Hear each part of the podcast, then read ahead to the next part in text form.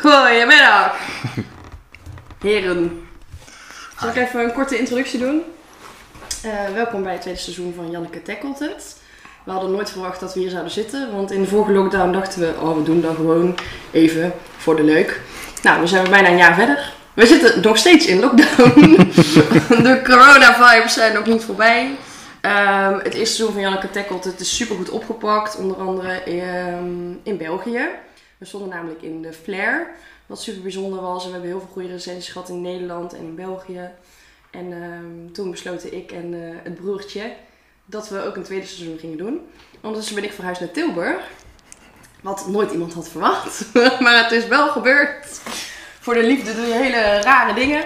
Dus ik woon nu eh, bijna drie maanden in Tilburg. En toen ging ik op zoek naar Tilburgers die uh, te gast wilden zijn in de podcast. En nu zit jij hier. Nu zit ik hier. En ja, dat is heel cool. Want ik ging natuurlijk iedereen stalken op Instagram. Met wie moet ik vragen? en jij kwam zoveel naar voren. En jij zei meteen, oh, heeft Albert-Jan mij aangeraden? Ja, dat dacht ik. Dat dacht ik. Zo van, ja, ja. Van, van, wie moet het anders vandaan komen? Maar... Ja, maar er waren er dus heel veel. Albert-Jan was vorig jaar te gast in de podcast. En dat is wel jouw bestie. Ja. Ja. Ja. Ja, sinds kort ook. Nee, grapje. Sinds twee weken vind ik ja, wel, wel, aardig. Maar uh, ja, stel jezelf even voor. Ja, ik, uh, ik ben Jeff Rijmond. Um, ik uh, ben 34. En, Jezus. Ja, oud al hè? We zien er niet aan af dus. Nee? Ah, nee. dat is goed. en um, ja, ik ben iemand die doelen nastreeft. Eigen ondernemingen heeft. En um, ja... Ja, moet ik nog meer zeggen? Eigenlijk. Waar kennen mensen uit Tilburg jou van? Ja, dat kan eigenlijk van alles zijn, omdat ik jarenlang in de horeca natuurlijk... Ik zit nog steeds in de horeca, maar ik heb jarenlang overal in de horeca gewerkt. Het is best wel een, een jobhopper geweest, omdat ik uh, natuurlijk... Uh, ik ben interim manager uh, overal geweest. Dus ik werd ingevlogen om, om, om, dingen weer recht te trekken. En op het moment dat het weer goed was, ging ik weer door naar de volgende zaak. Ehm, waar de mensen mij nu een beetje van kennen, dat kan of zijn van de eerste echte eigen project dat we hebben neergezet, Tokobar. Uh, dat is eigenlijk een uh, Aziatische snackbar, om het zo te zeggen, maar dan op hoog niveau. Um, en mensen kunnen ons kennen van, van feestjes, evenementen die ik samen met, uh, met Ab doe van, bij Cloud Select. Dat is waar de mensen ons nu een beetje van kennen. Um, maar ik ben gewoon ja, een multi-ondernemer. Dus ik heb ook meerdere zaken, zeg maar. Dus mensen kunnen mij altijd wel ergens van kennen.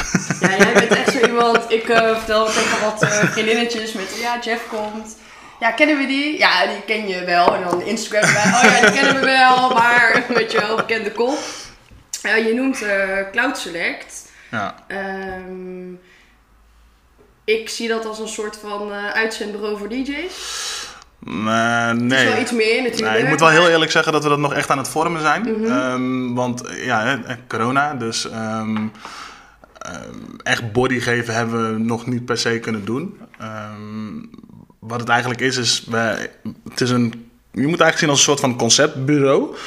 Uh, maar dan in de evenementensector. Dus wij kunnen eigenlijk van A tot Z kunnen wij uh, dingen organiseren, dingen implementeren. En een, een, onderdeel van Cloud Select is een boekingskantoor. Mhm. Dus uh, mensen kunnen ons bellen om, om vervolgens DJ's te boeken voor hun evenement of iets dergelijks. Maar eigenlijk doen wij van A tot Z doen wij volledige concepten. Jullie hebben ook veel uh, livestreams gedaan, toch?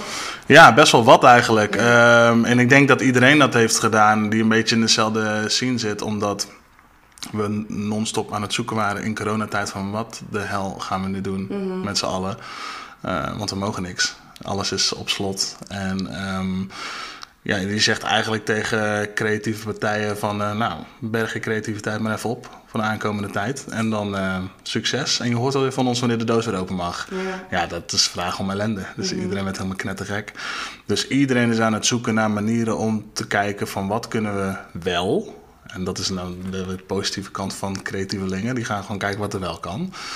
Um, en toen kwam heel gauw die livestreams kwamen eruit. Van oké, okay, we kunnen wel gewoon feesten geven, maar dan zonder mensen erbij, camera's erop en dat dan uitzenden. En dan kunnen de mensen thuis mm -hmm. in ieder geval nog zien hoe of wat. En eigenlijk heeft dat een soort van is dat tweeledig. Aan de ene kant is dat je mensen nog steeds laat weten: hé, hey, we zijn er nog steeds en dit is de muziek die je nu de aankomende tijd moet missen. Maar we zijn er nog steeds. En ook als je straks terugkomt en we mogen weer, zijn we er ook.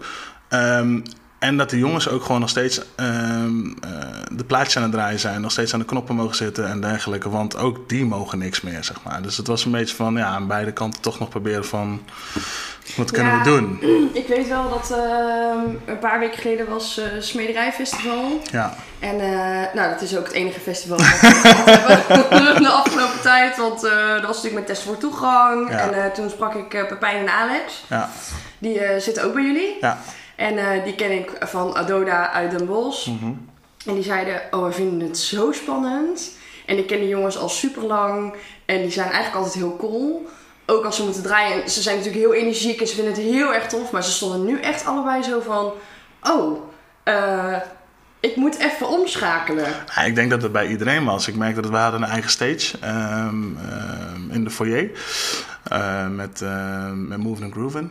En ik merkte het aan, aan de binnenkomst van alle DJ's. Iedereen zat vol spanning, eh, echt spanning op de buik en in de handen en in de keel. Van ja, alsof je voor het eerst weer moet draaien, zeg maar. Je hebt het nog nooit gedaan en vandaag is je eerste grote optreden. Weet Ja. die, die spanning had eigenlijk iedereen. De spanning waar App en ik mee zaten is, wat gaat dit doen zometeen over een paar weken? Welk resultaat gaat dit hebben? Ehm, krijgen we het onder controle? Eh, gaan we zo meteen weer in een lockdown of wat dan ook? Dat is de spanning die wij voornamelijk hadden van eerst zien dan geloven. Ehm, natuurlijk hebben we onze momenten gehad dat we echt met z'n allen aan het genieten waren. Er zijn echt heel veel traantjes weggepinkt eh, daar op het festival. Eh, mensen die gewoon weer mogen. Het was één groot euforisch feest. Echt non-stop, zeg Ja, maar. zeker. Ehm, ook nog de dagen daarna was iedereen echt met elkaar bezig. Ja, en, en, maar wij zitten wel de hele tijd met toekomstplannen natuurlijk. Want dat was, dat, dat festival, eh, dat wisten we dat dat ging komen. Dus daar, daar hebben we ons voorbereid en alles gedaan. Maar we hadden ook een go van de overheid van de rest mag. Dus eh, we hebben een jaar lang zeg maar, stilgezeten met alle concepten en alles wat we moesten doen. En met grote, grote partijen waar we mee samen zouden werken, hebben we alles in de koelkast gestopt. En dan krijg je uiteindelijk een go van het mag weer. Maar het is mega spannend, want iedereen is heel voorzichtig stapjes aan het zetten. En dan vervolgens kan het weer.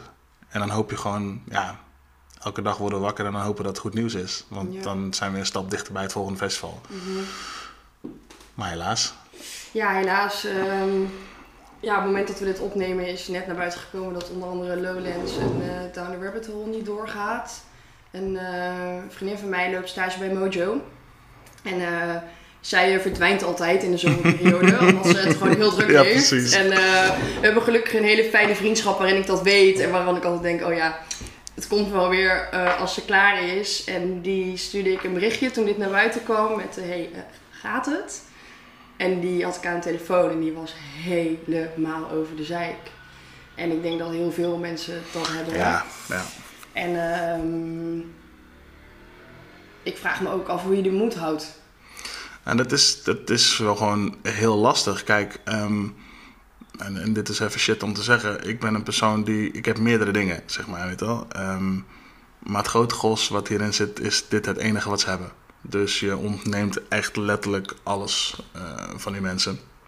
Ehm, want het werk is voor hun geen werk. Dit is, dit is een lifestyle. Dit is hun leven. Dit is hun alles, zeg maar. Hier hebben ze hun vrienden, hier hebben ze hun familie eh, opgebouwd, alles. En ehm, dat staat stil. Dat mag in één keer niet meer. En dan moet je heel stevig in je schoenen staan. Wil je dit eh, ja, overleven, om het even zo te zeggen, om, om, om dit door te kunnen. om dit mee te maken en door te kunnen gaan, zeg maar. Dus echt die doorzettingsvermogen te vinden. En dat is niet bij iedereen, ehm, bij iedereen even aanwezig, zeg maar. Ik bedoel, ja, het is best wel schrikbarend om te zeggen, maar er, is- er zijn nog nooit zoveel zelfdodingen geweest ehm, in het afgelopen jaar in de evenementensector. Wereldwijd, gewoon wereldwijd. Gewoon dat je echt hoort van, oh ja, die, eh, die heeft zelfmoord gepleegd die is niet meer. En dat is de, dat je denkt, dat kan, dit kan niet. Het is gewoon puur alleen omdat het op stop staat, zeg maar. En dit, wat je, je zegt gewoon letterlijk tegen die mensen, je mag niet meer leven. Ja. Dat is wat ze ook echt voelen. Ja, dat is, dat, is, dat is bizar. Dat is echt bizar. Ehm, en moeilijk. Zeker. Dus je krijgt, en iedereen is boos. Gewoon heel erg boos. Maar echt gegrond ook. Echt, van, echt gewoon diep geaard boosheid. Ehm, en ergens zijn er ook discussies gaande onderling waarin we tegen elkaar zeggen... die go had nooit mogen komen. Want voor de tweede keer op slot gaan, dus is killing. Zeker. Zeg ik maar. heb echt, ik ben, ik heb nooit last van FOMO, maar echt nooit. Als ik op stap ben, dan zeggen mijn vriendinnen echt, wat doe jij hier? Want jij wil nooit op stap. En, ehm, of als ik dan op stap ben en ik blijf tot heel laat, dat mijn vriendinnetjes echt zeggen, eh, moet jij nu niet naar huis? Want jij vindt het helemaal niet leuk hier. Ook niet dat ik het niet leuk vind, maar ik ben heel zo overprikkeld. Ja, ja. En het is gewoon op sommige dagen heel fijn, maar ik ben er gewoon meestal niet bij. En eh, toen hadden we inderdaad één festival gehad. En toen zat ik met FOMO op de bank. En Geert zei echt, wat gebeurt er met jou? Want ik heb dit nog nooit gezien. Want jij bent helemaal niet van stappen en het terrassen. En je zit eigenlijk liefst gewoon lekker thuis op de bank. Met een hond. En nu denk je opeens, oh shit, ik wil ook gewoon weer dingen doen. En voor mij was het ook heel erg toen ik net in Tilburg kwam wonen. Dat ik juist de terrassen op wilde. En dat ik naar de festivals wilde. En dingen wilde gaan ondernemen. Omdat ik eigenlijk eh, mijn vriendengroep achterliet. Ja. In Den Bosch. Ja. Dus ook je sociale netwerk wordt er heel klein van. En ik sprak toevallig iemand van de week die ook verhuisd is naar hier, die dat hetzelfde had. Met in een lockdown verhuizen naar een nieuwe stad is gewoon super lastig, want je kan namelijk niks niks. doen. Nee, nee. En ehm, ik merk wel dat veel ondernemers in mijn omgeving wel inderdaad zoeken naar andere dingen. Maar de koek is wel op. Ja, ja, iedereen zit gewoon, het water staat echt bij iedereen aan de lippen. En ehm, dat is bij ons niet anders. Echter is het bij ons wel zo dat we altijd weten door te zetten. En, en dat zeggen mensen ook van jullie blijven altijd met nieuwe dingen komen in coronatijd. Ik snap echt niet hoe jullie dit voor elkaar krijgen. Eh, en dat, daar ligt ergens onze kracht, omdat wij, wij zijn begonnen vanuit een, een onderneming die problemen moet oplossen. Altijd. Dat, dat doen we al 15 jaar. Met 15 jaar lossen wij de problemen op in de horeca- en evenementensector. En ehm, dat zorgt ergens ook wel voor dat wij zijn dit gaan zien als een probleem. Oké, dit is een probleem, dit is een uitdaging. Hoe gaan we hiermee om en wat gaan we ervan maken? Eh, dus ik zeg niet dat de schakel makkelijk was voor ons. Alleen het voelde ergens natuurlijk omdat we dit altijd hebben moeten doen. Eh, alleen hey, had deze gewoon veel meer, ehm, veel meer restricties dan die je normaal gesproken hebt. Ehm, dat zijn dan weer nieuwe da- uitdagingen waar je naar moet kijken. Maar ja, zoals je zegt, de koek is wel op. Want ik heb ook andere ondernemers die bij ook op gaan bellen en zeggen: hey Jeff, ik, ik weet het niet man. Ik, eh, ik, zit, ik denk gewoon dat ik faillissement ga aanvragen, want het is wel goed geweest zo. En dan komt onder, in de tussentijd komt er dan van de overheid komen er dan allerlei ondersteuningspakketten en noem het allemaal maar op.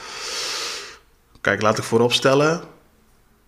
Ik zou nooit in de schoenen willen staan van politici. Nooit. Want die moeten keuzes maken waarvan ik denk, oh, je doet het toch nooit goed. Maakt niet uit wat je zegt, je doet het nooit goed. Ehm, that's it. Maar bij sommige dingen heb je zoiets van, ah ja, het treft gewoon zoveel, zoveel mensen. En dan ga je kijken naar die, naar die steunpakketten die, die er komen. En dan denk je van, dan ga je het goed berekenen en calculeren per bedrijf. En dan denk je van, er blijft helemaal niks over van die steunpakketten. Dit is, dit is niet goed gecalculeerd, het klopt niet. Of de regels die ze eraan stellen, die kloppen dan weer niet. Mensen die qua inschrijving net erbuiten vallen. Weet wel zo Ja. Die eigenlijk een maandje te laat zijn gestart, want anders hadden ze die steunpakketten gekregen. Ik noem maar even wat op, dat soort dingen allemaal. Ja, dat is heftig. Dat is heel heftig. En ehm, iedereen is bang voor de vierde lockdown. Ja. De vierde lockdown zal zorgen dat gewoon heel dit land gewoon is klaar. Dat is gewoon echt af. Eh, Gewoon qua ondernemerschap en, en, en noem het allemaal maar op. En de energie van mensen die ze hebben, dat is gewoon... Ja, en daar zijn we best wel heel bang voor. Want we krijgen alleen maar geluiden te van wat als, wat als, wat als. En vind je het ehm, lastig om dan te zien dat mensen bijvoorbeeld op vakantie gaan nu?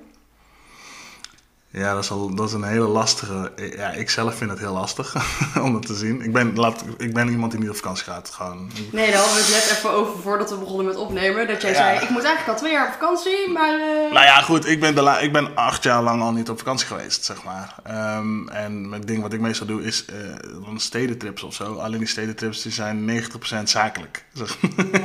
En dan koppel ik dan een beetje 10% eh, privé aan vast. Ehm, maar als ik echt ga kijken naar een vakantie waarin de telefoon... Nou, de telefoon gaat bijna nooit uit, maar de telefoon uitgaat, ik kijk er niet naar. En ik ben gewoon puur met, eh, weet wel, het gezin en en that's it. Ja, dat, eh, nee, dat is al acht jaar geleden.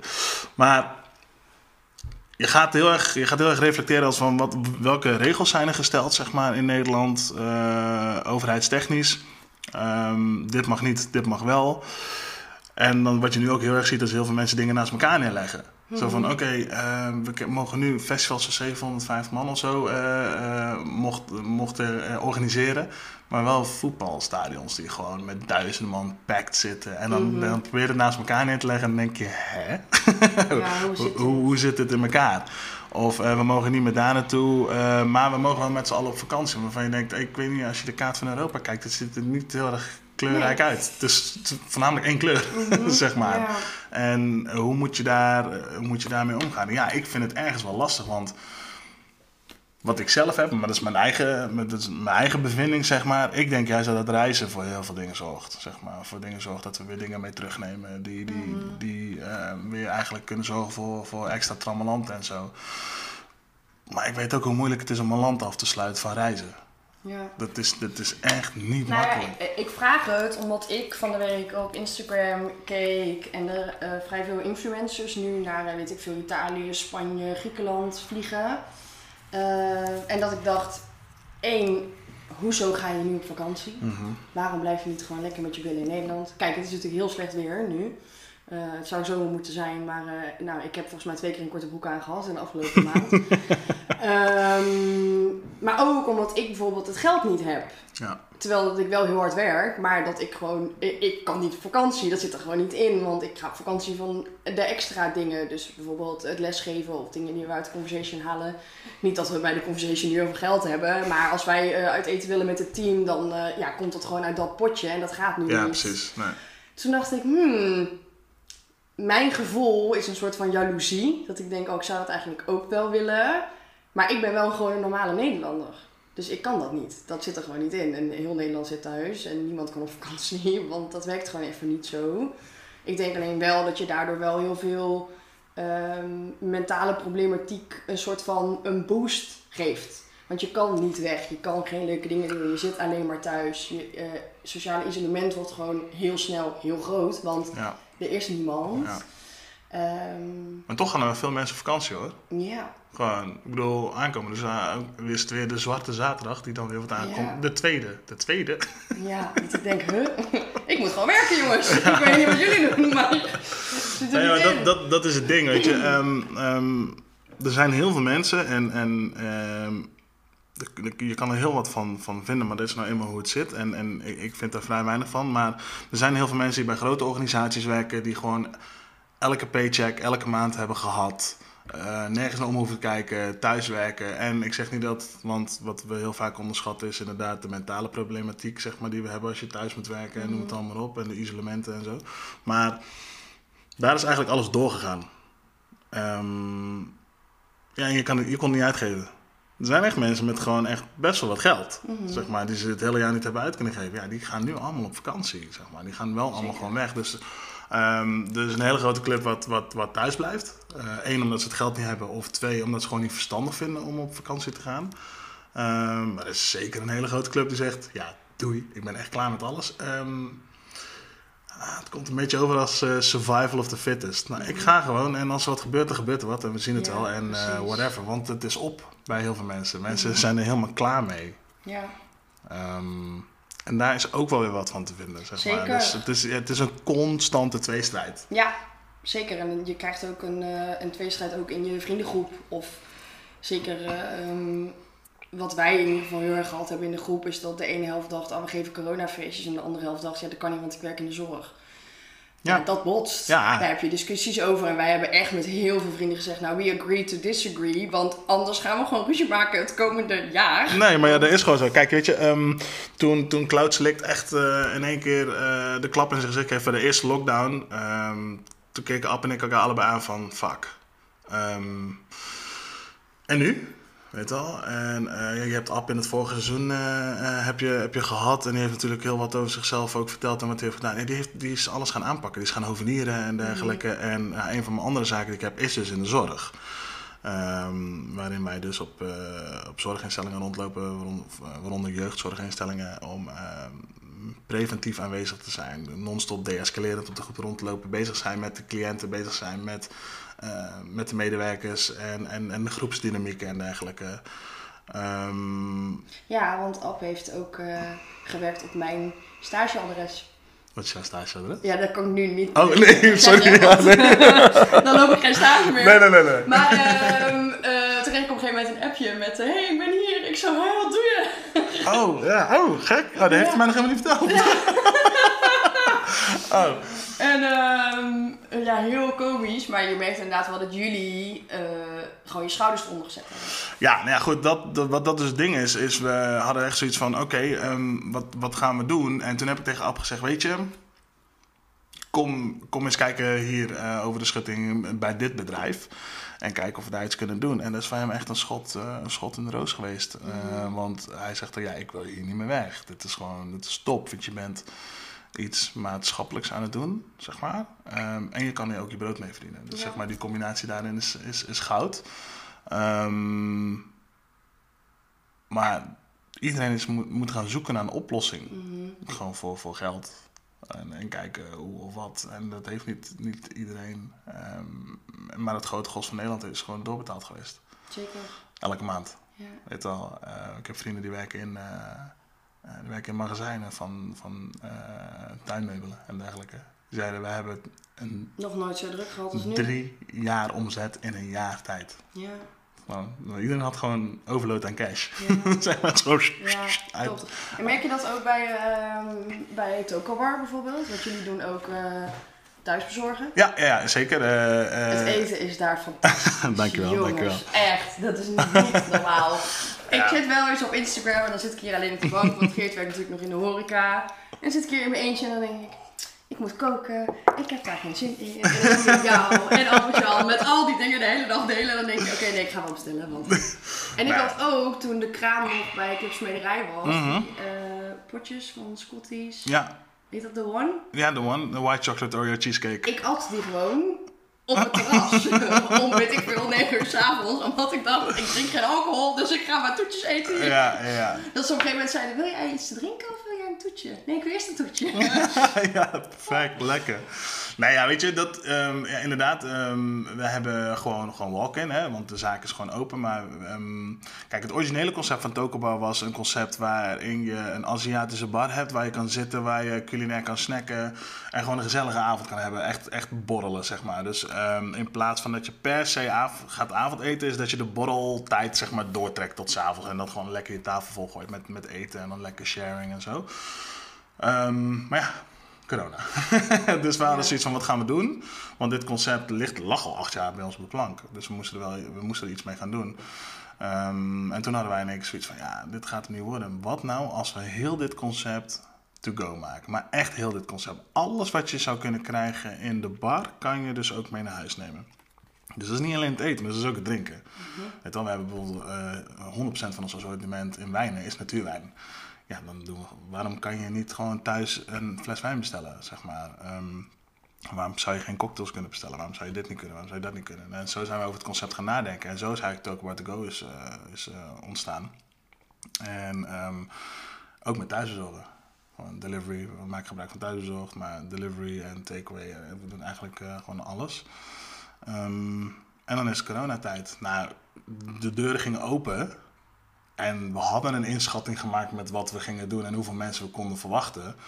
Maar het sloeg nergens op, want dan stonden de, de eerste week, de eerste, eerste weekend, zeg maar, stonden er echt gewoon honderden mensen voor de deur. Dat ik echt dacht van, eh, zo groot zijn we nog niet. Wel, dit, dit, dit, dit hadden wij helemaal niet, dit hadden we helemaal niet eh, eh, ingeschat. Kijk, we, daarvoor, we waren begonnen met alleen bouw, hè, in, in, in een pop-up eh, in een pop-up zaakje, zeg maar. En uiteindelijk ging die vestiging ging weg, dus moesten we ergens anders naartoe. We vonden zaten in bank 15. zaten in bank 15 zaten we.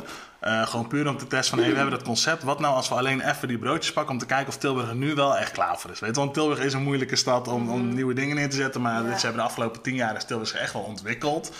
Eh, positief. Het zou dus van, nou, gaan we kijken hoe we dit het beste, het beste kunnen doen. We zijn met die bouws begonnen en dat, dat was al gewoon like spot on. En toen hadden we zoiets van, oké, dat volledige concept, dat kunnen ze wel, dat kunnen ze wel aan.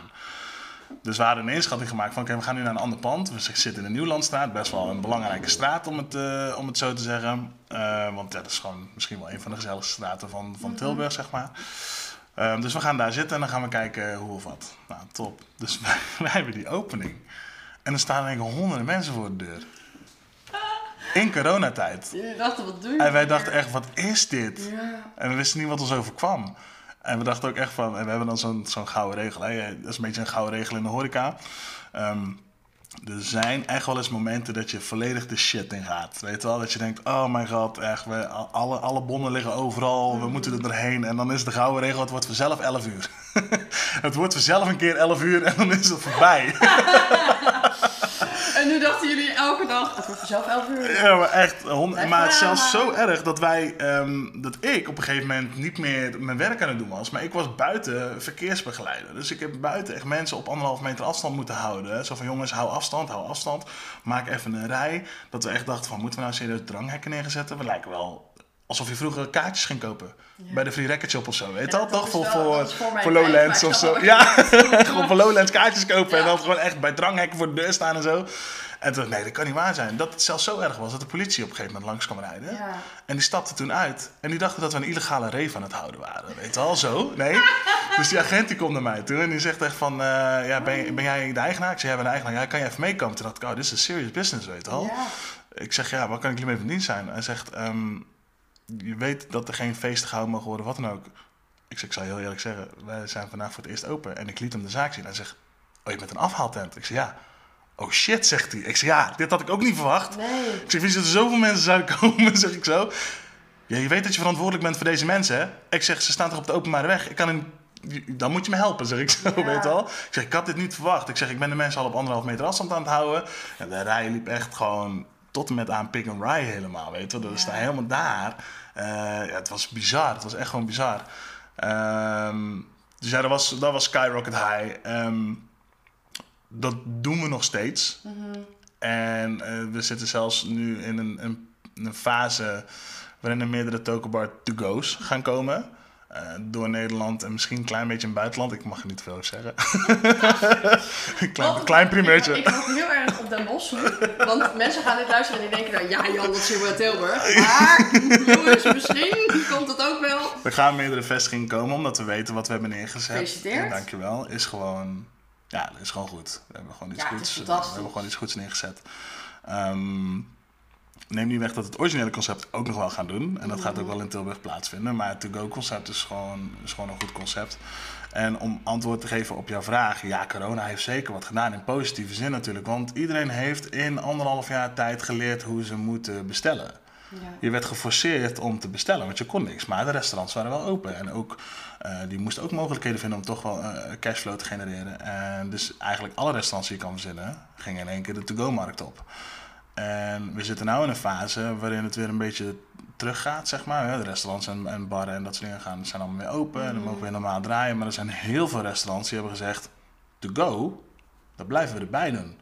Dat is, Ja. gewoon, dat is gewoon een, een flinke markt, zeg maar. Eh, waar we, we zijn erin geforceerd om, om daarin te gaan draaien. Maar we hebben wel gezien wat voor voordelen het kan hebben. Het heeft heel veel nadelen, maar het heeft ook heel veel voordelen. Ehm, dus ja, toen alles eigenlijk weer open ging, toen hebben we wel een kleine daling gezien. Maar die hadden wij gewoon die hadden wij voorspeld. Ja, Want alles gaat open. Oké, dat betekent dat die blikken met mensen gaan open en iedereen gaat het terras op. Ja. Nou is in Nederland statistisch gezien maar 20, eh, heb je maar 20 mooie dagen in het jaar. Zoals ik net ook al zei. Dus volgens mij hebben we onze zomer in februari al gehad. Maar Alle weg doen. Ja, het. Ik, nee, maar het, het, heeft, het heeft bij ons wel wat gedaan. Een positieve invloed. Mensen hebben in een hele korte periode heel snel ons leren ontdekken. En ik denk niet, ja, ik denk niet dat dat was gebeurd als we. ehm, nou, het was wel, laat ik zo zeggen, het was wel gebeurd, maar het was niet zo snel gebeurd als corona er niet was, zeg maar. Dan hadden wij een langere aanloopperiode moeten hebben om, om kenbaar te maken wie we zijn en wat we doen. En dit was gewoon, ja, de sterren stonden in ieder geval aligned, zeg maar. Dus het was wel eh, het juiste moment om het te doen. En ja, daar plukken wij nu wel de vruchten van. Maar ehm, ik denk ook wel dat we iets neer, neer hebben gezet waar we ook gewoon trots op kunnen zijn. Het is ook gewoon een, een concept. ehm, ja, onze hoofdregel, zeg maar, is misschien zelfs ook onze payoff is flavor first. Weet. Want het allerbelangrijkste bij ons is, het moet gewoon lekker zijn. En daarna kijken hoe het eruit ziet en waar het in gaat en hoe het allemaal op. Maar wij moeten het eten en denken, fuck, ik wil meer, weet je. Mhm, het is lekker. En ehm, zo, zo zit niet alles in elkaar bij iedereen eh, in, in, in de horeca. En dat is zonde. Het is tegenwoordig is het heel vaak, het moet er mooi uitzien. En daarna kijken we wel een beetje hoe of wat. Zeg maar. Ja, bij, ons is, bij ons is uiterlijk is echt alle, alle, allerlaatste. Ja, als het maar gewoon lekker is en dat je volgende week zijn. denkt, oh, ik heb er weer zin in. Ja, precies. Gewoon dat. Het gevoel dat je denkt, ik wil meer, dan, dan zitten we goed. Ja, precies. En ik hoor jou ehm, heel veel vertellen hoeveel dingen je doet en hoe druk je bent. En, Maar je hebt een vriendin, of is het vrouw? Nee, nee, ik heb een ex. Een ex? Ja, Oh, jullie hebben wel twee kids samen. we hebben twee kids samen. Maar jullie gaan wel gewoon goed met elkaar om. We gaan mega goed met elkaar. Oh, ik wist ook helemaal niet dat jullie niet samen waren. Goed hè? Ja, nou nee, ik vind dat echt serieus heel bijzonder. Ja, nou, wij krijgen vaker deze reactie hoor. Ik bedoel, Ja. ehm, wij zijn eigenlijk nou, al jaar uit elkaar. Nou, Ja, ja. Nou dat, nee, ik had dat echt Ja. niet verwacht. Maar- Ik zie jullie natuurlijk wel eens ook met de kids eh, samen. Ja, en, en we werken ook samen. We zijn daarnaast ook, ook eh, eh, business partners. Mhm. Ehm, zij werkt bij Tokenbar. Ehm, maar ik heb samen met haar Scotties opgezet. Scotties is van haar, zeg maar. Kun je heel Ehm, even uitleggen wat Scotties is? Ik ben niet fan, maar- Mega fan, hè? Ik ben echt, ja, ik weet het. Ik ben dus helemaal geen zoete kou. Nee, ik dus ook niet. En dat is dus, dat is dus het ding. Dat is het ding. Kijk, Angelique, ehm, zij, eh, zij is echt ontzettend goed in eigenlijk alles wat met patisserie en dessert te maken heeft. En ehm, zij is daar best wel eh, autodidact in, want geen opleidingen, helemaal niks. Gewoon, gewoon zelf. Eh zijn we eigenlijk alle twee. We zijn alle twee heel erg autodidact. Niks in die opleidingen. Zijn we niet zo goed in, maar goed. en ehm, ja, wij, kijk even, ik zit natuurlijk al heel lang in de horeca. en Zij heeft heel lang in de horeca gezeten, want zij heeft voor eh Sissy Boy heeft gewerkt. En dan de Sissy Boy Dailies. Dus dat zijn die horecazaken van de Sissy Ja. Boy. Die heeft zij allemaal opgezet in Nederland. En eh ze is zo opstartmanager zeg maar geweest. Op een gegeven moment daar weggegaan. En ze heeft altijd de droom gehad van, ik wil een eigen zaak hebben, zaakje. Waar je gewoon binnenkomt en er staat alles vol met taartjes en, en, en, en, vers gebakken brood. En, gewoon echt dat je binnenkomt en denkt, ja, ik ga hier zitten en dan kom je de hele dag niet meer uit. Wel zo? En met goede koffie en drankjes en noem het allemaal op. Dat is wat ze altijd heeft gewild, maar nooit echt het juiste moment gevonden of zo om het te doen. Ehm, en toen, toen heb ik haar wel echt gepusht om te zeggen van, dit, je gaat nu. Nu, nu is het moment om het te doen. Nu en niet anders, nu. Dus we zijn gaan testen, testen, testen. En net als wat ik zeg tegen ik ben geen zoete kou. En ik weet wanneer desserts echt goed zijn, en als ze daarin een balans in kunnen vinden, dat ze mensen die, die, die niet van zoete dingen houden, het ook lekker vinden. Dat is een beetje met vegetarisch eten, toch? Als je Ja. een vleeseter dat kan laten eten, weet je dat het echt goed is. Ja. En ehm, dat is Scottish. Scottish is gewoon allerlei zoete, wel, maar wel in balans, creaties. Waarvan je echt dacht, wow, past dit bij elkaar? Ja, en dit is gewoon lekker. En je kan het 's ochtends vroeg eten, 's middags vroeg, 's avonds laat, Ja, midden in de nacht. je wordt wakker en denkt, oh, ik trek de koelkast open. Nou, er ligt nog de helft. Mooi. dat, dat, is, dat is Scottish, zeg maar. Dus eigenlijk eh, patisserie en dessert. En ook zij is geforceerd om dat dus op een to-go manier te interpreteren. Want ja, het, het ging niet, weet wel, de manier waarop we het wilden doen. Dus we zijn begonnen met allemaal cheesecakes. Eh, verschillende soorten cheesecakes in een jar. Dus een potje die je vervolgens mee kan nemen. Maar die je ook gewoon weer kan sluiten op het moment dat je denkt, ik laat de helft staan. Moet je stevig in schoenen staan om de helft te laten staan? Nou, het zijn best wel flinke, eh, ja, maar Ja, maar het zijn flinke potjes, Ja, zeg maar. Weet je wel. Ja. Maar ik weet andersom. Maar ik Ja. zie soms mensen dat ik echt denk, oh mijn god. Maar ik had, we hadden de laatste eentje en ehm, ik, ik, had toevallig, eh, ik had toevallig eentje, eentje gemaakt eh, met, met, met pandan, tiramisu, cheesecake eh, Mhm. en zo. Om, om- ik moest even snel iets verzinnen. En ik zie iemand dat ding gewoon echt letterlijk in vijf seconden binnen schrokken gewoon. En ik kijk, ik kijk Remco aan, zeg maar, dus mijn, mijn rechterhand in de tokenbar, die kijk ik aan. En ik zo, jij zag dit toch ook net gebeuren of niet? Ja, ik het was gewoon vijf seconden, maat. Dat bak is gewoon leeg. Zo kan dit. Hoe kan dit? Ja. En dat is een beetje, dat is een beetje daar halen wij ons plezier uit, weet je wel. Ehm, en zo. Maar om, om even terug te komen, ja, dat is, dat is de Scotties. eh, wij, Scottish is vernoemd naar je dochter. nee, is vernoemd naar ons. eh, ik snap dat mensen dat zeggen, want Ja. ik heb een, mijn dochter heet Scotty. Ja. Mijn zoon heet Otis. Mhm. Eh, maar we hebben allebei hun letters gebruikt, zeg maar. Dus het is niet hoe je Scotty normaal schrijft. Dat is Scotty is de naam van. Dus het is Scotty en Otis met hun letters in Scotty. Ja, dus dat ze, we Ja. Mhm. hebben het, het is wel vernoemd naar onze kinderen, zeg maar. Dus, eh, alleen het kwam gewoon beter uit om het Scotty eh, te Ja. laten klinken. Alleen je schrijft het wel met Scotty en Otis. Nou, ik wist dat dus niet, totdat Geert gisteravond zei, ja Jan, maar zijn kids weten zo. Toen dacht ik, oh, Ja. oh, Ja, dat wist ik helemaal Het is wel een eerbetoon richting, eh, richting de kids. leuk. Maar ehm, ja, wij doen, wij doen het wel echt gewoon heel goed. eh, Ja, samen. je geeft aan dat je inderdaad uit elkaar bent. Ja. Maar je bent wel heel goed aan het co-parenten. Ja, ik, en, ehm, want de, reactie die jij geeft, die krijgen we echt van heel veel mensen. Mensen denken, wat, hè? ik dacht dat jullie nog bij elkaar waren, of hè, dat wist ik helemaal niet. En als ik dan zeg de, de lengte dat we uit elkaar zijn, dan schrikken mensen ook echt van, zijn al jaar uit elkaar, joh? Hoe dan? Het ding is, corona heeft ons wel de laatste set gegeven. Dan ga ik gewoon heel eerlijk zijn. Corona heeft ons het laatste setje gegeven waarin we echt zoiets hadden van, ja, dit, dit, dit werkt niet. Ik heb zoveel zaken. Ik werk echt in zoveel, zoveel verschillende branches en dergelijke. Dat, dat vraagt heel veel voor me. Mijn doel daarmee is, is om uiteindelijk gewoon te kunnen doen met mijn gezin wat, wat, wat we willen, zeg maar. Ehm, zij heeft een heel groot deel van zichzelf opgeofferd om heel veel thuis aanwezig te zijn voor de kids. Dus ik was aan het pushen voor de toekomst. En zij ondersteunde mij daarmee eh, door, door thuis te blijven. Ehm, we hebben heel veel gesprekken over gehad en heel veel goede gesprekken over gehad. Maar op een gegeven moment kom je op een punt. ehm, dat je niet meer kan vragen of verlangen van de ander wat, wat diegene aan het doen is, zeg maar. Want Ja. dat is niet meer legit of zo. Ehm, waaronder, dus zij heeft een droom en zij kan die droom niet waarmaken omdat zij thuis zit, zeg maar. En Ja. waarin ik elke keer zei, nog, nog een klein beetje, nog een klein beetje, we zijn er bijna. En dan gaan we alles doen wat we willen hebben, want dan, dan heb ik alle lijnen uitgezet. En dat, daar hebben we altijd een hele goede gesprek over gehad en daar zijn we altijd overeengekomen. Maar ja, toen kwam corona. Ja. En corona heeft ervoor gezorgd dat ik twee keer zo hard moest werken, nog minder thuis moest zijn. En niet voor de toekomst, een toekomstlijnen uit te zetten om te zorgen dat we überhaupt nog een toekomst hadden, zeg maar. Want dat is wat corona heeft gedaan. Ehm, en ik heb, ik heb niet één zaak, zeg maar. Dus ik heb, ik heb best wel wat zaken. Ik zit, eh, ik zit tegen 17 zaken aan, zeg maar. En daar zitten allemaal, werken allemaal monden die gevoed moeten worden. En, en dat is best wel een verantwoordelijkheidsgevoel wat je dan hebt als eigenaar van die zaak.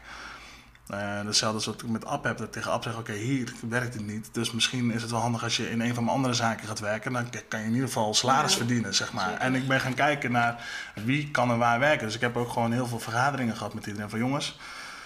Er is niet voor iedereen plek in het bedrijf waar je op dit moment zit. Maar ik heb wel nog plekken bij andere bedrijven waar ze nu juist heel veel handjes nodig hebben. Of juist heel veel mensen. Wie is er bereid om over te stappen naar het andere bedrijf met de belofte dat als alles weer gaat draaien, je weer terug kan naar je oude bedrijf? Maar je, je houdt je salaris, dat behoud je, je krijgt alleen een andere functie. Ja. Iedereen heeft daar ja op gezegd. Echt iedereen. Ik heb iedereen kunnen switchen naar andere, naar andere bedrijven. En eh, er zijn zelfs sommigen die zeggen, ik ga niet meer terug. Het is perfect hier. Ik zit hier op mijn plek, dit is goed. Daar ben ik blij om. Ehm, maar dat heeft wel, het heeft wel gezorgd voor, een- voor een breuk in mijn, in mijn gezin, zeg maar. Ehm, want ik heb eigenlijk een belofte moeten breken. Ja. ehm, waar ik zelf niet heel veel aan kon doen. Nee. We ben geforceerd om die belofte te breken, want anders ging, ging alles echt kapot. Ehm, en toen hebben wij gewoon een heel goed gesprek met elkaar gehad van misschien moeten we wel gewoon stoppen.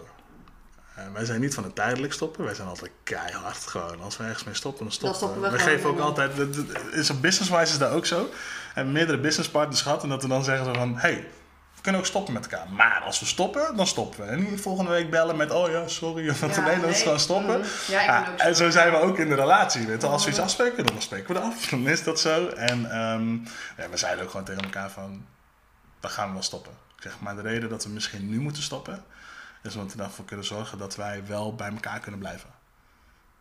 En zij is eigenlijk te ziek voor woorden. We, we stoppen de relatie met elkaar om, om wat beste vrienden te blijven. Alles voor de kinderen. Ik zeg, ja. Ja. Ik zeg, Geen wrok. want name me one die dat kan en dat doet. Ja. Ik zeg niemand. Alle relaties uit elkaar gaan, gaan te laat uit elkaar. Ja, nu moet ik wel zeggen dat ik kijk ook even mijn broertje aan hier. Dat wij eh, ook het geluk hebben dat onze ouders beste vriendjes zijn. Stop. Ook uit elkaar, eh, al, al heel lang.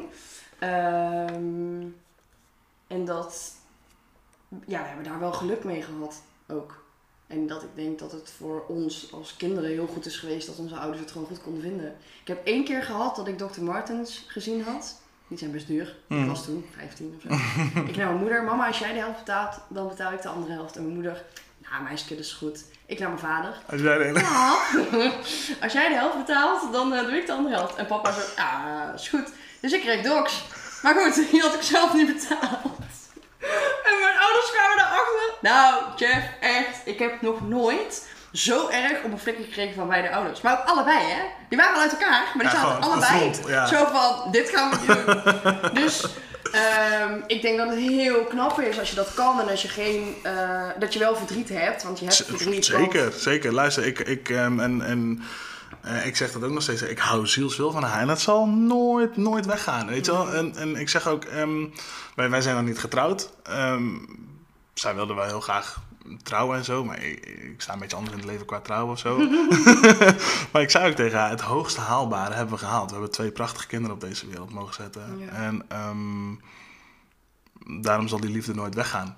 Maar eh, het was misschien wel het juiste moment om te zeggen: we moeten hier een lijn trekken. En ik denk wel dat die lijn ervoor heeft gezorgd dat we zo goed met elkaar nog overweg kunnen. En, dat we, en, en het is- laten we wel wezen, het is niet makkelijk, hè? Want ehm, er komt een moment dat er nieuwe mensen in het leven komen. Dat gaat komen, dat weet je ook gewoon. Ja. En ehm, we hebben ook heel veel gesprekken erover. Wat gebeurt er als die wederpartij het er niet mee eens is hoe wij met elkaar omgaan? Want technisch gezien zien we elkaar best wel bijna elke dag. Je werkt met elkaar samen, je hebt samen ook nog de kids, heb je dan zeg maar. Hoe ga je daarmee overweg? Dus dat is wel, dat is wel een dingetje. Nou, daar hebben we gewoon hele goede gesprekken over. Waarin we ook allebei zeggen, ja, dan heeft die derde partij gewoon echt pech, hè? Dat is gewoon jammer dan. Doei. Hoe reageren de kids? Ehm, Want die zijn nog best jong, toch? Ja, kijk, Scotty is echt, echt heel erg jong. Dus die krijgt dat, die krijgt dat nu pas mee. Zeg maar, zij, eh, ehm, zij is nu twee. En ze wordt in december wordt ze, wordt ze drie. Dus zij zit nu wel in een periode waarin ze dingetjes echt goed gaat begrijpen. Ehm, en Otis, ja, Otis is gewoon echt wel een, een, een pintere gast, zeg maar. En ehm, Otis is een beetje net als ik, dat, dat merken we aan alles. Doet heel veel op, op gevoel. En wij wisten ook gelijk bij Otis, wij hoefden het Otis niet uit te leggen. Want wij zeiden tegen Otis van, hé, hey, kom heel even zitten, we moeten even praten. En we hadden al voorgenomen, als hij zometeen tijdens het gesprek opstaat of gaat spelen... of hij gaat een beetje gek doen of zo, dan, dan gaan we niet zeggen dat hij moet blijven zitten. Dan, dan laten we hem zijn gang gaan, want dat is de manier hoe kinderen ventileren, zeg maar. Dus we moeten we zijn ding laten doen. En het was een beetje, we legden het zeg maar een soort van uit. En er kwam gewoon een reactie uit van, ja, maar dit wist ik al. Zeg maar. Hoe oud is Otis? Otis is nu vijf. Ik zie hem al helemaal zitten. Ja, maar echt hoor. Ja, ik zie ook kids natuurlijk, zeker Ja. toen de kraan er nog was Ja, precies, ja. Dan eh, ja, ik zie hem al helemaal zitten. Klein Ja, ja en wij eh, zaten, wij, wij zaten echt met spanning in ons buik. Je gaat het tegen je kinderen vertellen, weet je wel. Hoe de heck, ja. Dus wij echt eh, ja, wel een beetje, beetje moeilijk en, niet heel erg krampachtig, maar toch wel een beetje dat je dan zo zit en dan zeg je, hey, Otis, we moeten wat vertellen. Ehm, ja, ehm, papa en mama gaan allebei naar een eigen huisje zoeken. Hè, eh, we houden nog heel veel van elkaar, alleen we denken dat het beter is dat we, eh, dat we niet meer met elkaar eh, samenwonen. Ehm, maar we blijven wel een familie, zeg maar, zo. Ja, oké. Ja, wist ik wel. Ja, wij, we hebben elkaar nog vijf minuten aankijken, zo van, fuck, en nu? Wat ga, Ja. wat ga je hierop zeggen? Ja, nee. Als een kind al zegt van, ik begrijp dit, ik snap het. Dat je denkt, oké, ja, dan hoef ik niks meer uit te leggen, toch? Nee. Dus dat gesprek was mega kort ook. Ja, Oh, oké. oké. Mag ik dan nu... eh, Ja, maar echt gewoon zo, oh, maar... Dus Anja op een gegeven moment... "O- Oots, begrijp je het echt? Of, of nee, ja, jullie vinden elkaar nog wel heel lief, maar niet meer samen. Ja, Ja. ja toen brak zij in 20.000 stukjes. Ik had ook een brok in mijn keel. Ik denk, ja. shit. Ehm, maar wel, dus ik denk, ja, het is wel goed gegaan. En nu komen ze wel langzaam op. Kijk, nu komt Scotty op een leeftijd, inderdaad, wat ik net zei, ehm, die het wat beter gaat begrijpen. Maar Otis komt nu ook op een leeftijd waarin ik denk dat hij nou pas voor het eerst echt een beetje gaat verwerken. Want ehm, ik krijg nu soms ook de vragen, waar is mama? En eh, weet je wel, ehm, jullie zijn niet meer samen. Dus Kijk, jullie wonen wel al apart. ja, ja, ja. Maar ik krijg nu, ik krijg, laat ik, het zo, ik krijg nu diepere vragen van, van Otis. Hij wil nu Ja. weten de waaroms en, en de hoe en, en weet je Mhm. al dat. Ehm, en het is best wel raar, want dan zit je met je kind op de bank en dan, dan heb je le- hele volwassen gesprekken of zo. Ja. Weet je? wel. dan denk ik, mijn kind is net vijf geworden. 10 juni is hij vijf geworden. Dan denk ik, je bent net vijf. Weet je. Ja. Kijk welke gesprekken ik met jou heb. Maar is wel goed, want wij zijn wel een, een gezin en zo ben ik ook opgevoed. En, en Antje ook, maar altijd open, transparant. Er- zijn, geen, er zijn geen bommen die kunnen ontploffen, weet je wel, want wij ventileren het de hele tijd. Gewoon de hele tijd eruit. Ehm, en dat doen wij als kids ook. Mhm. En dat is goed. En dat hoeft niet altijd gelijk, maar weet je wel, kan, daarna kan het ook. Maar het moet er wel uit, zeg maar. En ehm, ja, we, we doen het gewoon goed. Ik denk echt serieus, als wij, ik zei het van de week nog tegen als wij terugkijken hoe wij het doen, hè, mogen we echt fucking trots op onszelf zijn. Ehm, Want hebben jullie co-ouderschap? ja, ja. Dus is het half-half? Ja, alleen ehm, zij heeft de kids vier dagen en ik heb de kids drie dagen. En dat hebben wij, ja, wij noemen het nog steeds co-ouderschap, maar dat hebben wij gedaan vanwege de zaak. Zij heeft gezegd, ja, jij moet iets meer aanwezig zijn bij sommige dingen, dus ik pak die extra dag erbij. Zeg maar op die manier. En dan eh, heb jij er drie en dan kijken we later op een later tijdstip wel hoe we dat doen. Maar zorg maar eerst dat alles geregeld is. Weet je wel zo. En dat werkt. En ben je dan ook het soort papa wat gewoon zijn telefoon weggooit als de kids er zijn? Ik wist dat deze vraag ging komen. Dit is echt een hele moeilijke vraag om te beantwoorden. Kijk, weet je, ehm, nu, nu ook. Ik ben iemand die de hele tijd om zich heen kijkt en de hele tijd... Ding, ik ben een soort van informatieverslaafd. Hè? Dus ik ben de hele tijd om me heen aan het kijken en dingen aan het opnemen. En, dan heb je hier wel een lekker huis. ja, maar ik zie ook gewoon de hele tijd links, ik mijn telefoon de hele tijd branden en, en oplichten. En daar kijk ik af en toe wel- wel naar. Ehm, ik ga bekennen dat ik sinds kort, eh, en dan hebben we het echt over, nou wat is het nu, een maandje, een maandje anderhalf. ehm, echt de dagen dat de kinderen zijn, er niet ben. Voor niemand niet. Maar ik ben er echt niet. Dus ik ben ook echt offline en zo. Ehm, mega moeilijk, want het is voor mij best wel een, een, een transitie geweest om dat te doen. Want ik heb het ding 24-7 vast. Met, vooral met zoveel zaken ben je alleen maar bezig, bezig, bezig. Ehm, en ik heb nu bijvoorbeeld de kids, ik heb de kids aan zondag, maandag, dinsdag. En eh, dan hebben, hebben mensen eigenlijk zondag, zeg maar, tot 11 uur de tijd om mij nog te berichten of wat dan ook. En na 11 uur hebben ze pech. En er zijn een x aantal mensen die mij altijd mogen bellen, zeg maar. Dus van, hè, de, ehm, ehm, eh, Lieslot op het kantoor is mijn, eh, mijn rechterhand. Remco mag me altijd bellen. eh Ab mag me altijd bellen. En Ais mag me altijd bellen. En de rest, ja, sorry. Weet al. Dan dat- weten jullie dat bij deze? Niet bellen! niet bellen, mij niet Mij niet bellen. bellen! Eh, maandag ben ik echt helemaal de hele dag gewoon offline. En dinsdag gaan die kinderen dan naar school of naar de, naar de, de kinderopvang, zeg maar. En dan werk ik gewoon een half dagje. Ehm, maar het is pas echt sinds kort dat ik echt offline ben. Maar daarvoor was het wel nog, nog wel tussendoor. En dat besef is mij best wel later gekomen, zeg maar, van... Omdat ze nu een leeftijd hebben waarin ze het heel erg... Waarin ik, waarin ik het merk dat zij het merken. Ja. Zeg maar, hè, vroeger waren ze, mensen zijn ze wat kleiner, dan ben je bezig en dan denk ik van, nou, prima, weet je, ze zijn een dingetje aan het doen. Maar nu merk ik echt, ouders komt naar mij toe en papa hangt de telefoon eens op. Dat is heel confronterend Ja. als je kind dat zegt, Ja. weet je wel. En er zijn momenten geweest dat ik tegen hem zei, dit is een heel belangrijk telefoontje, even rustig, ik kom er zo aan, weet je wel. En ik kwam op een gegeven moment op het besef dat ik zeg van, ik alles is een belangrijk telefoontje, Ja. weet je wel. Het is altijd belangrijk, maar ja, je kids zijn ook net zo belangrijk. Mm. En dat was moment, voor mij een besefmoment. En ik krijg meestal... Ik, ik krijg mijn goede idee altijd onder de douche of als ik op het toilet zit, zeg maar, weet je wel zo. en dat was voor mij echt zo'n besefmoment. Ah, ik moet dat ding echt weggooien als kinderen er zijn. Het is gewoon niet oké, weet je wel. Ze Ben je een, eh, dat. Betere vader geworden nu je alleen bent? Mm. Omdat je de kids alleen hebt? Ehm, ik weet niet per se of ik een betere vader ben geworden, omdat toen Otis, voor, toen Otis geboren werd, zeg maar, en dit is fucking cliché, maar toen viel alles in één keer op zijn plek en toen wist ik gelijk van, oh, ik heb nog maar één doel in het leven en dat is gewoon zorgen dat het providing for the family, zeg maar. Dat is het enige, dat is mijn enige doel en de rest kan veel bot kapot vallen. Ehm, dat is bij mij, bij mij altijd erin gezeten. Maar wat, wat wel tot het besef is gekomen, en dit is voor eh, alle mama's die aan het luisteren zijn, is vrouwen zijn hier veel beter in. Nee, maar echt. Echt, Ja. vrouwen kunnen dit. Ik weet niet of dit genetisch bepaald is of wat dan ook, zeg maar. Als ik zie hoe zwaar ik het af en toe heb omdat ik de kids alleen heb, en dat zeg ik soms ook tegen Ans. Ik zeg, het was vandaag zo fucking zwaar. Echt, de ene trekt het bloed onder mijn nagels vandaan omdat ze even een irritante fase hebben. De andere eh, vraagt heel veel van me, weet wel. En ehm, dat je dan in één keer beseft, als de kinderen eindelijk op bed liggen, dat je gewoon nergens zin meer in hebt. dat je gewoon echt klaar bent. Ja. En zij zegt af en toe van, nou, bes- besef je nou wat, ik heb gedaan? Ik zeg, "Ke- luister, je moet weten dat ik dat altijd heb beseft en altijd heb gerespecteerd en, en, en er begrip voor heb gehad.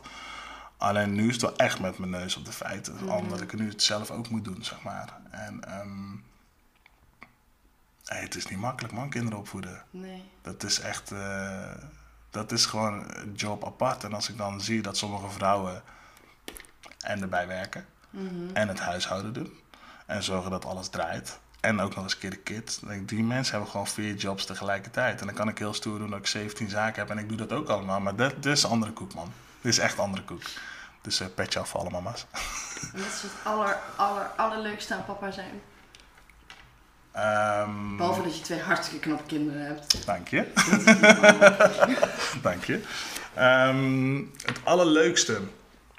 Ik vind, ik vind de, de, de, de opvoeddingetjes, zoals bijvoorbeeld eten. Natuurlijk is eten is, zit in ons systeem. Als je Hè? jou zegt, papa ik lust dit niet, dan ga jij helemaal Ja, dan ga ik wel ham. Ja, dan ga ik wel Met- dan ga ik gaan we madness. niet doen. Nou ja, goed, weet je, um, um, Otis is een hele moeilijke eter.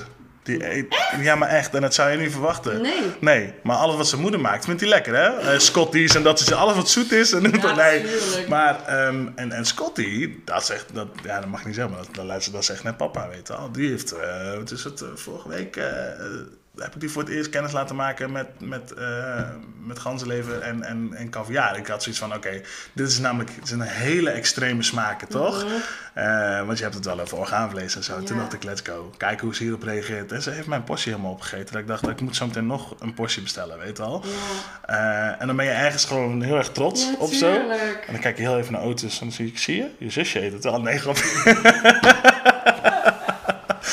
Nee, maar dat, dat zijn de momenten, dat, dat, die vind ik heel erg leuk, dat ze dingen eten. ehm, dat ik ze kennis kan laten maken met andere culturen. En, en laten we wel wezen, voor mij is cultuur is echt gewoon eten en muziek.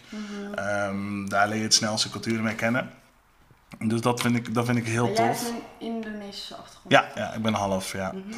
Ehm, dus ja, eten is heel erg belangrijk bij ons in de cultuur. Ja. Eh, als mensen thuis komen eten en er komt een ander stel eten, ik noem maar even wat op, dan maken wij eten voor de hele wijk. Wij kunnen gewoon niet doseren. en waarom? Zodat we iedereen ook alles mee kunnen geven. Ja. Ja, heb je gegeten? Ja. Heb je genoeg gegeten? Ja. Weet je het heel zeker? Ja, nee, we ik weet het heel hebben zeker. Oh, top. We hebben bakjes. Hier, Ja. op het ding. Dus toch dat eh to-go zit gewoon in jouw bloed. Dat is Gewoon meenemen. Zorgen dat mensen altijd genoeg, eh, genoeg, Ja. genoeg hebben. Ehm, vond ik vroeger wel heel moeilijk als ik bij andere kindjes ging spelen en daar bleef eten of zo. Weet je al?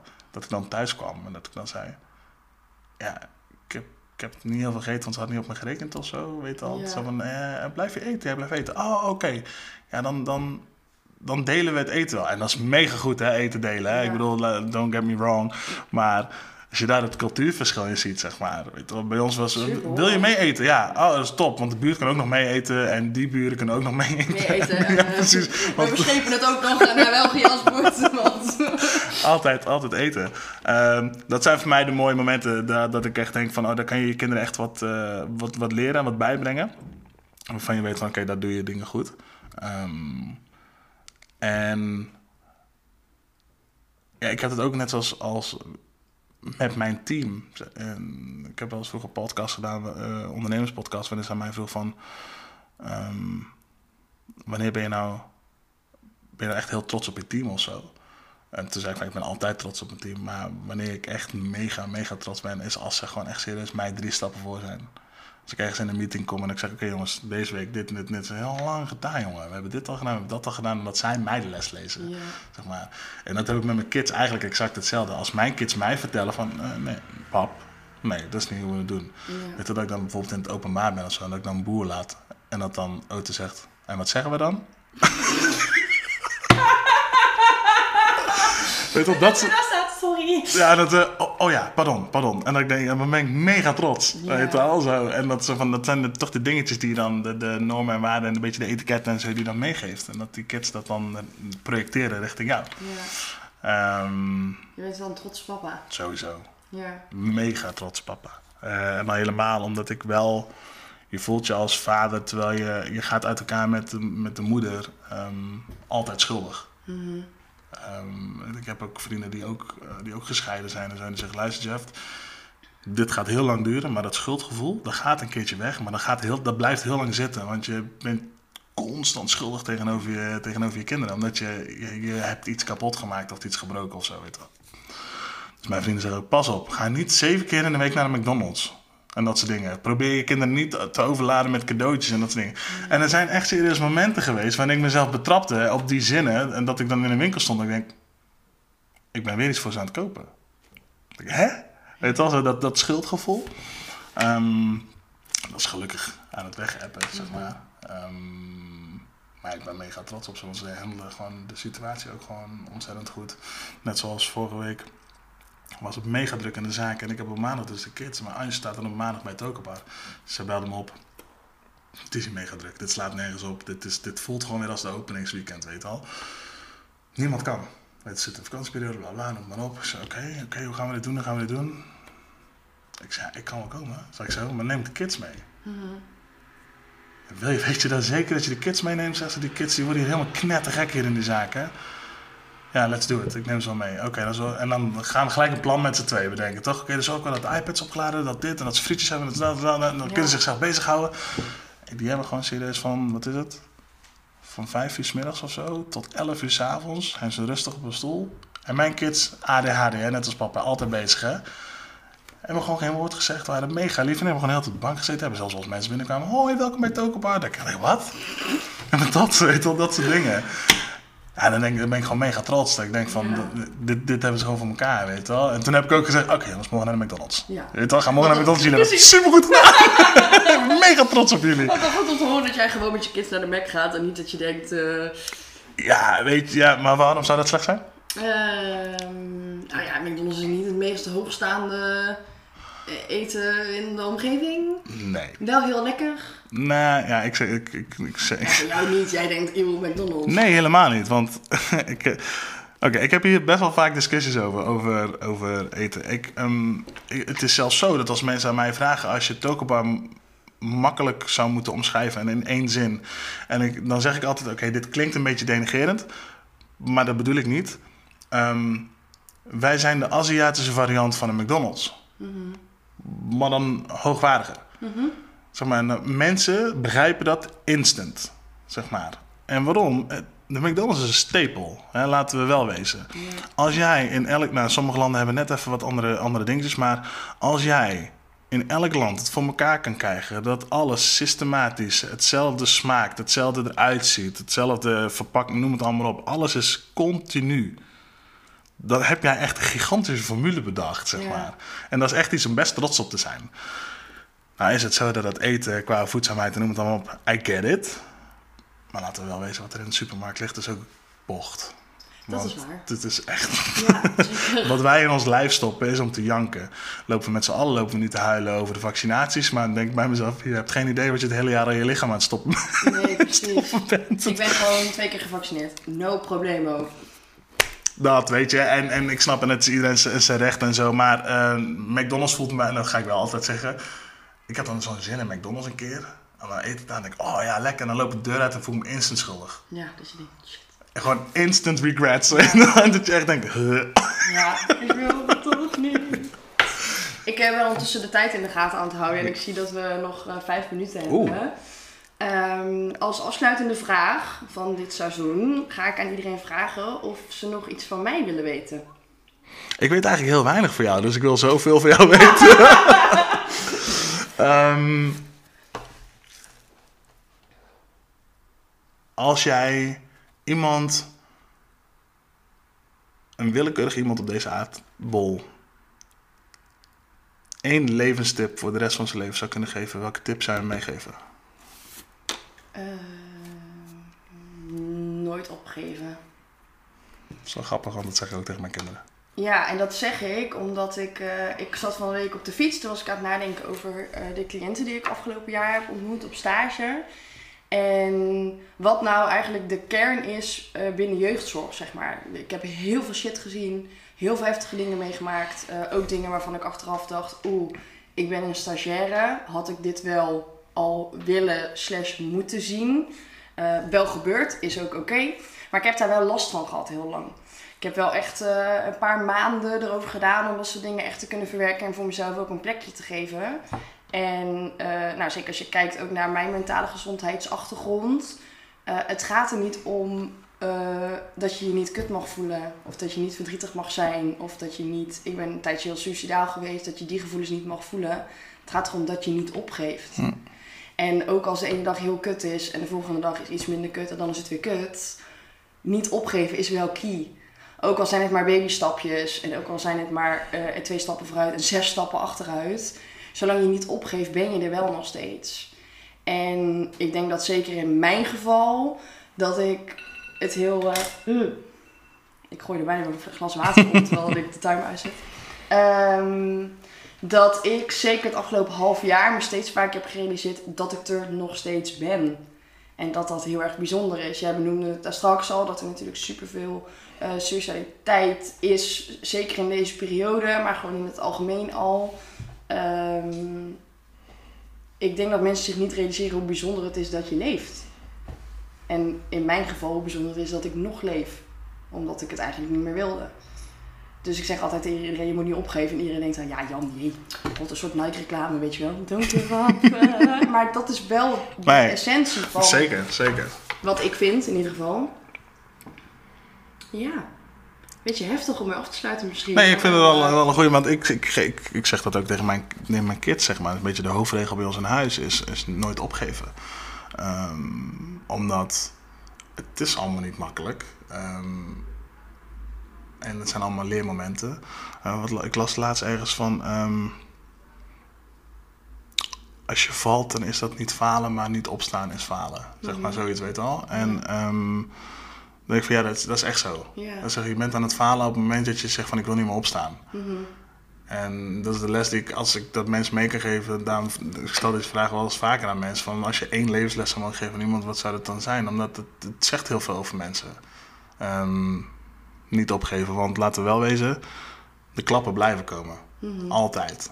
Ja, Ehm, het is hoe je ermee omgaat en hoe je vervolgens weer verder gaat. zeker. Dus nou, dat is wel een mooie. Goeie afsluiter. Toch? Ik wil je bedanken. Thanks dat ik mocht langskomen. Nou ja, super bedankt. Je bent de eerste gast en ik was heel erg zenuwachtig. Wij waren er straks even broodjes aan het eten en ik was zo stil dat Geert en Sebas allebei zeiden... Are you okay? Want- Het is Jeff maar. hè. Ja, zo door verrusten, vrouw. Maar ik wil je heel erg bedanken en ik wil iedereen eh, bedanken voor het luisteren. We hebben het in deze podcast veel gehad over eh suicidaliteit. Dus als je daarover wil praten, dan eh, sluit vooral in mijn DM. Maar kijk ook even op de website van 113.nl. Er zijn altijd mensen die je willen helpen. Ehm, ja, tot de volgende, jongens. Goodbye!